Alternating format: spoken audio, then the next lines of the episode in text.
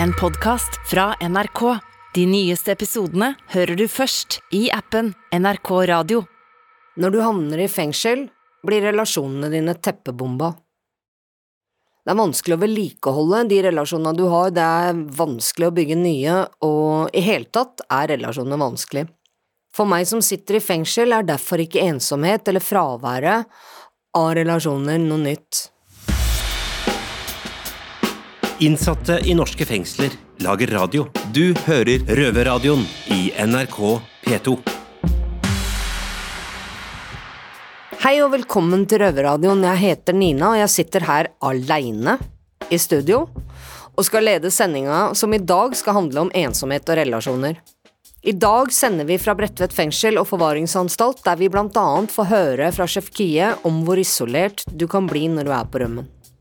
Alle som sitter i høysikkerhetsfengsel er eksperter på ensomhet, for å parafrasere en annen røver. Man sitter innelåst på cella si med ensomheten som eneste venn. En annen ekspert på ensomhet, men på en litt annen måte enn det vi er, er forfatter Hilde Østby. Hun har nemlig skrevet en bok om det, hvor hun slår fast at ensomhet er farlig. Heng med, så skal du få høre hvorfor. Men først så skal vi til Bredtvet og høre hvorfor Sjefki og Alexandra ikke tålte trynet på hverandre innledningsvis. En liten advarsel dog. Deler av dette innholdet handler om selvskading. Vi vil gjerne snakke litt om hvordan eh, begynnelsen var mellom meg og deg. Og vi har egentlig hatt en eh, rød start. Ja, det kan man si. Eh, Når jeg kom på Bredtvet, så kom jeg jo rett ifra gata og eh, Ja, hvordan skal man forklare det? For å si det veldig enkelt, jeg, hadde, jeg var ikke helt uh, Jeg hadde ikke landa helt. Jeg var ikke helt på planeten. Jeg var uh, veldig mye. Spytta ADHD lang vei, for å si det sånn. Ja. ja, det er litt vanskelig, fordi man kan eh, ikke velge hvem man skal være med her i fengsel. Nei. Nei. Så uh, ja, det er litt vanskelig også. Det er det. Eh, nå vi skal begynne fra den dagen vi har hatt litt sånn eh, ja, krangling. det var en lørdag.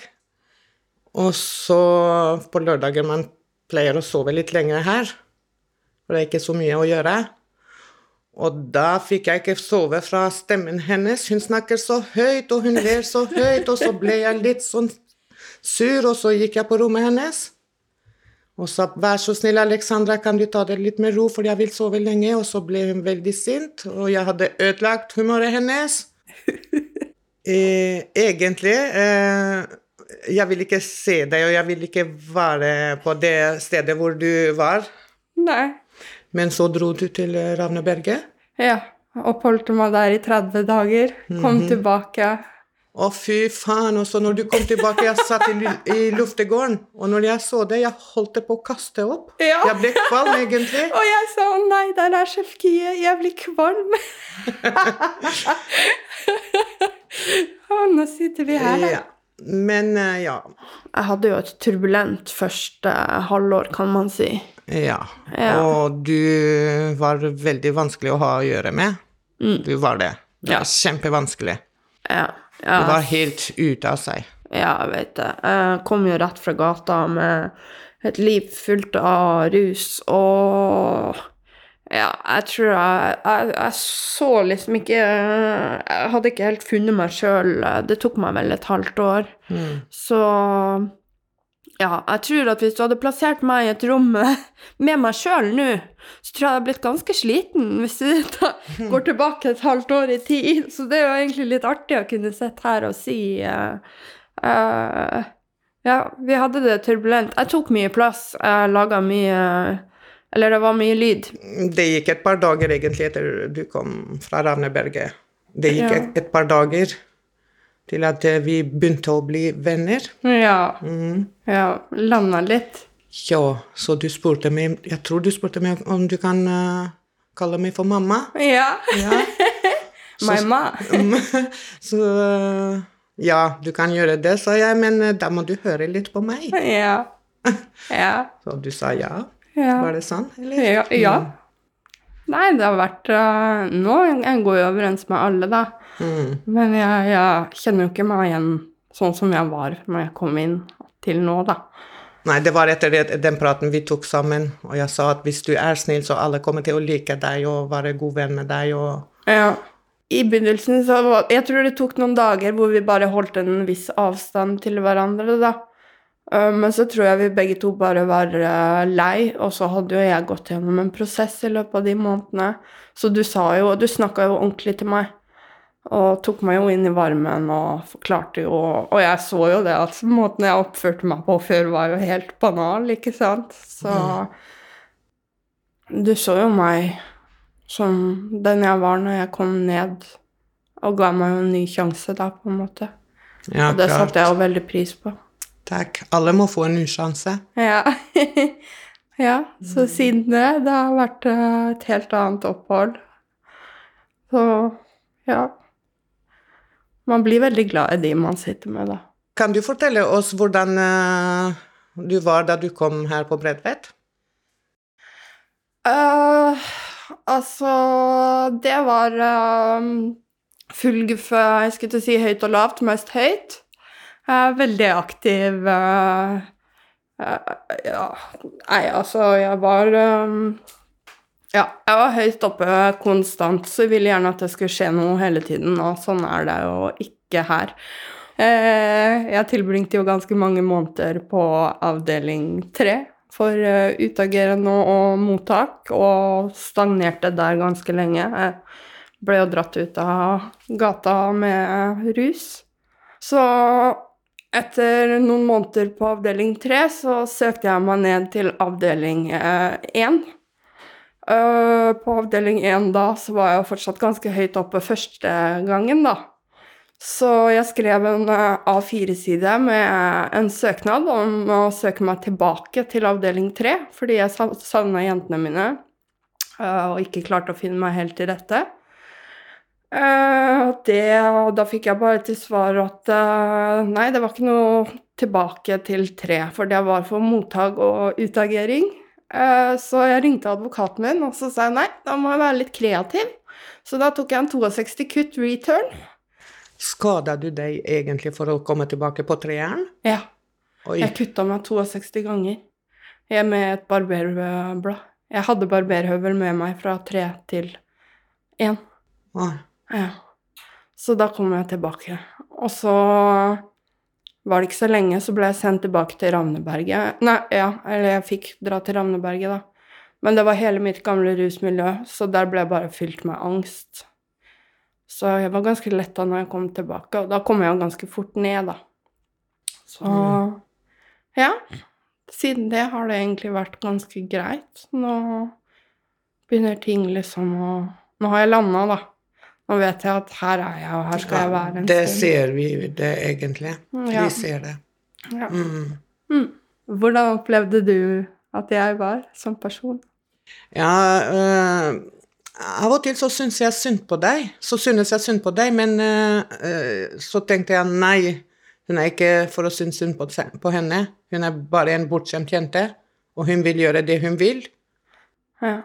Ehm, og så tenkte jeg ja, du rusa deg mye ute og sånn, så måtte jeg liksom ta litt sånn hensyn på det òg.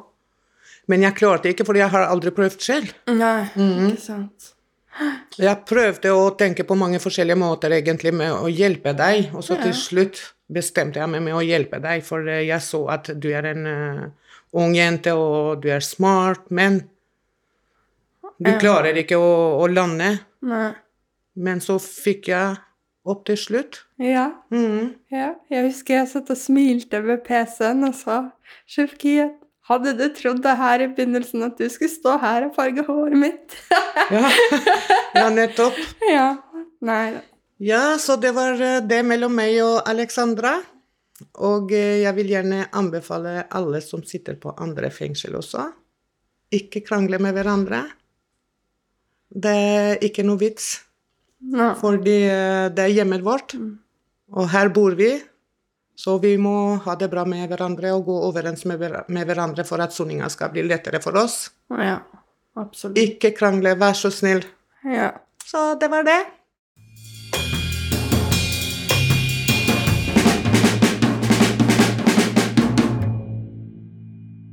Ja, denne historien er ikke helt unik. Jeg har sett eh, på Bredtvet at folk eh, gjør seg sjøl ganske vondt for å påvirke hvor de blir plassert hen, og sjøl så var jeg nødt til å ja, bli ganske ufin, for å bruke det uttrykket, for å bli sendt tilbake dit jeg kom fra, fordi jeg ble plassert et sted hvor jeg verken fikk trena eller uh, gjort de andre ting som var viktige for meg i soninga. Og det var jeg nødt til å gjøre for ikke å rett og slett både miste motet og vettet og gå rett i veggen. Og jeg syns jo det er synd at uh, vi er nødt til å gå til såpass drastiske virkemidler for å bli hørt og sett at det burde være nok å på en måte gi uttrykk for uh, hvor man var. Men sånn er nå kriminalomsorgen. De har jo sine grunner, de også, vil jeg tro. Noen ganger hender det imidlertid noe bra, uh, selv i en traurig fengselstilværelse, og på B2, der jeg soner nå, hadde vi besøk av Hilde Østby, som holdt, ifølge min mening, da, hvert fall et kjempespennende foredrag om ensomhet. Blant annet så sier hun at ensomhet er like ødeleggende for helsa som å røyke 15 sigg om dagen. Ensomhet er farlig. Men Hilde Østby besøkte ikke bare B2, um, hun var også på høysikkerhet på Bredtvet, og um, vi rakk ikke å få Hilde i studio, men vi fikk tatt en prat med henne i fellesområdene.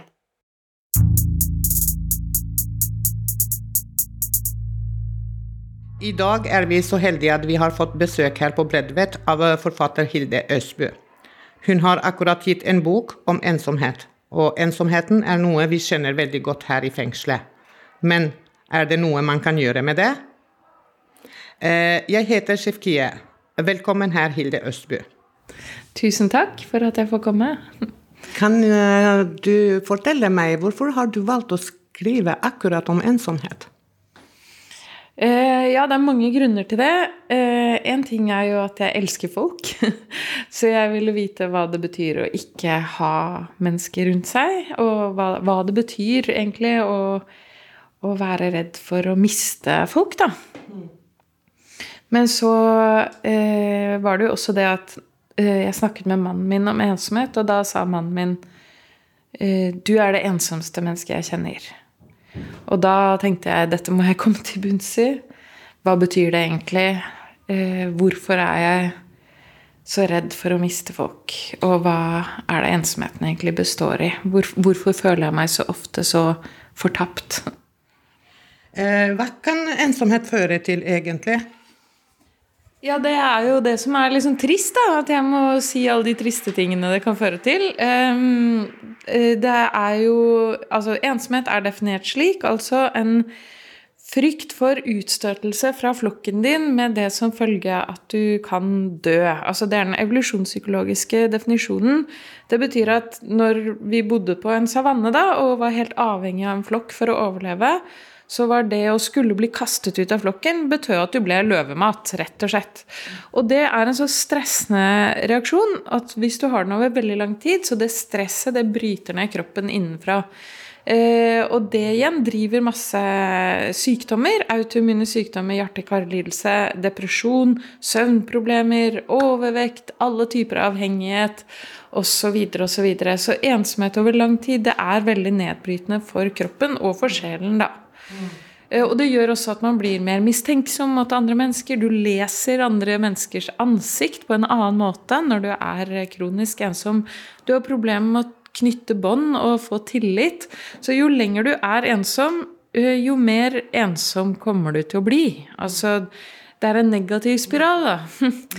En, jeg vet at det er mørke ting, men jeg tenker jo at eh, hvis alle vet disse tingene, så kan vi jobbe sammen mot at det skal skje, da.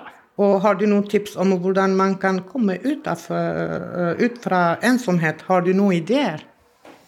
Ja, altså det er det at eh, Det blir jeg jo ofte spurt om. Sånn trikset, liksom. Men jeg tror jo ikke egentlig det er noe triks å komme seg ut av ensomhet. Det aller viktigste er jo tillit. Mm -hmm. Å begynne å bygge tillit til andre. Og det er skikkelig vanskelig. Og det er et sprang som man må velge å gjøre. Og så tenker jeg at kunnskap er bra. Å vite at når man er ensom, så trekker man seg ofte unna. Går inn i en sånn negativ spiral av depresjon, ensomhet, alkoholmisbruk, narkotika, spiseforstyrrelser Altså disse tingene er sånn selvforsterkende spiraler. Søvnproblemer etc. Det går liksom går ned et sånn mørkt eh, sted, da. Eh, hvis man vet det, så kan man prøve å gå ut av spiralen ved å eh, be om en klem. Eller eh, invitere noen på kaffe. Og ikke ta et nei for et nei, bare invitere igjen, da. Fordi den, nå vet vi jo det, at den ensomme vil fort trekke seg tilbake. Men det gjelder å ikke gi seg. Og så gjelder det for folk å ikke gi seg når de mistenker at noen er ensomme. Altså hvis du vil hjelpe en ensom person. Den ensomme vil kanskje ikke være så sympatisk og takknemlig. Så du må bare ikke gi deg. Og så har jeg oppdaget noe Unnskyld, jeg bare babler i vei. Men jeg har snakket med, har snakket med mange som er eh, sånn frivillige. Og som jobber som frivillige i Røde Kors eller eh, så, så har jeg skjønt liksom at veldig mange av de som jobber som frivillige, de hjelper også seg selv. Det å hjelpe en annen, det hjelper deg selv ut av ensomheten. Så det er kanskje mitt eh, viktigste tips. Hvis du ikke vet hvor du skal begynne for å få venner, bli eh, besøksvenn da, for Røde Kors. Så møter du folk. Og så møter du andre frivillige, og så plutselig har du venner, da. Jeg har egentlig eh, tatt ut fra en som het En innsatt her. Og det var veldig vanskelig, men jeg klarte det til slutt. Hun satt bare i cella eh, mange, mange måneder. Så jeg klarte til slutt å få henne ut og begynne å jobbe litt. Og etter hvert så spurte jeg om hun ville på skolen. Hun sa nei, men til slutt så klarte jeg det òg. Fordi jeg sa hvis du ikke vil gjøre det for deg selv, så gjør det for meg. Og hun sa ja til det, og jeg ble veldig glad, egentlig. Og da følte du deg mindre ensom også?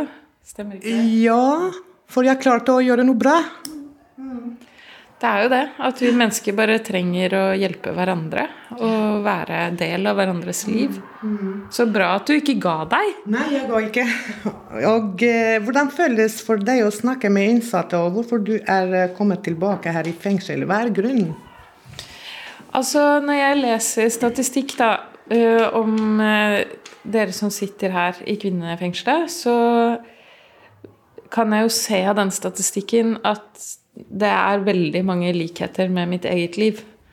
Så jeg føler jo at dere som sitter her, er mitt folk. At vi har mange like erfaringer. Det er mange, mange som sitter her som har voldserfaringer, erfaring med voldtekt, med omsorgssvikt eller lignende. Det er veldig mye voldserfaring. Og jeg, og jeg, jeg kjenner det igjen. Jeg vet hvordan det føles. For meg føles det bedre å komme hit, eh, hvor jeg kan snakke åpent og fritt, enn eh, på et litt stivt, eh, du vet, sted. Ensomhet skaper avstand til eh, alt mulig, eh, i hvert fall. Og det er bl.a. familie, venner, samfunn og rett og slett psykisk helse. Så hvordan kan folk hjelpe hverandre med det her? Ja, jeg Igjen, det er ikke noe triks, men jeg tenker at hvis vi er flinkere til å tenke at eh, alle er flokken Du er flokken. Ikke sant? Du er flokken min. Alle jeg møter på min vei, er min flokk. Jeg skal se inn i øynene på folk jeg møter. Jeg kan gi dem en klem hvis de ber om det, eller til og med insistere på å gi folk en klem. Være nysgjerrig, høre hva de har å si. Eh, ta imot, liksom. Altså, når jeg leste denne rapporten om psykisk helse i kvinnefengselet, da ble jeg sjokkert. For det er jo mye dårligere stelt her enn i eh, fengselet for menn. Det skjønner jeg jo. At satsingen på de 5% av fangene som er kvinner, der er det liksom Det er bare skuret og godt, på en måte. Jeg trodde jo før jeg kom inn i fengsler, da, så trodde jeg at det var bedre i kvinnefengselet enn i fengselet for menn. Og det skjønner jeg nå at det er mindre ressurser her. Det er sånn sjokkerende for meg. Eh, det gjør meg bare forbanna, rett og slett. Eh, jeg kan bare si at det gjør meg vondt å høre det. Om jeg får lov å spørre deg om uh, har du noe å anbefale til kriminalomsorgen, og hvordan de skal løse de problemene for oss? Eh, Jeg syns jo det er helt skandale at dere har så dårlig psykisk helsevern her. Jeg tenker jo at eh, Det burde vært på et mye høyere nivå. Det burde vært mye mer tilgjengelig. Mange flere møter med familie, og i hvert fall med egne barn og ektefelle. Det virker jo helt ulogisk å bryte bånd mellom eh, den, den, aller viktigste flokken, da, det er jo familien. Og eh, vi trenger å ha familie og nære venner hvordan skal du komme ut i samfunnet og bli en bra samfunnsborger igjen hvis du har brutt de båndene, da? Så jeg tenker jo at det er virkelig å skyte seg i foten da, for kriminalomsorgen. De vil jo at man skal komme ut og uh, fungere bra i samfunnet. Da er det uh, veldig lite produktivt å bryte ned folk psykisk og fysisk. Da, for det bryter deg ned fysisk også, det mm. vet vi jo nå fra forskningen. Det går på helsa løs. På den fysiske helsa løs. Så nei, bare her, her må du jo virkelig gå inn med penger og ressurser og fagfolk og en mye liksom, større tillit også til de som er innsatt, da. For når du er innsatt, så de fleste her vil jo bare komme ut og gjøre det bra i samfunnet etterpå. Det er jo helt åpenbart, det. Ja, og eh, det var veldig koselig å ha deg her. Det var veldig koselig. Tusen takk for at du kom. Takk for at jeg fikk komme, gode folk.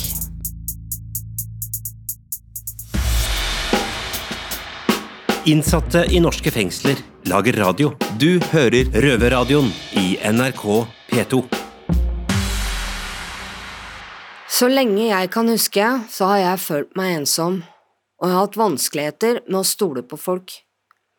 Østby kobla dette til å ha en utrygg primærflokk, eh, hvor fravær av stabile og trygge relasjoner gjør at man hele tida frykter for å bli forlatt og rett og slett dø.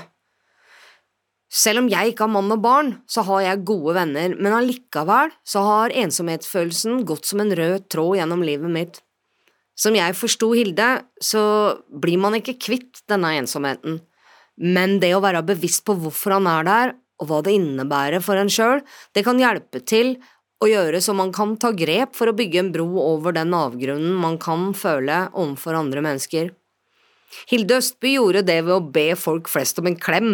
Eh, jeg veit ikke om jeg er helt der ennå, jeg, jeg vil nok ikke fly rundt og klemme på hele verden, men eh, det å vite om det, det tenker jeg er en bra begynnelse.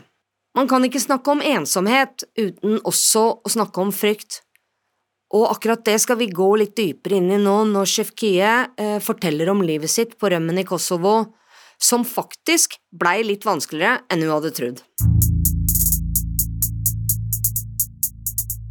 I 2004 satt jeg i stua i leiligheten min på Stovner i Oslo og tenkte hardere enn jeg noen gang hadde tenkt.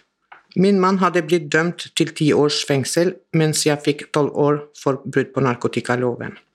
Hva kom til å skje med barna? Kom barnevernet til å ta dem? Skulle vi flykte med dem til mitt fødeland Kosovo, så de fikk vokst opp med foreldrene sine? Tidligere i Røverradioen har jeg fortalt om hvorfor jeg valgte å flykte. Nå, 18 år senere, soner jeg denne dommen på Bredtvet. Dette er historien om konsekvensene av dette valget.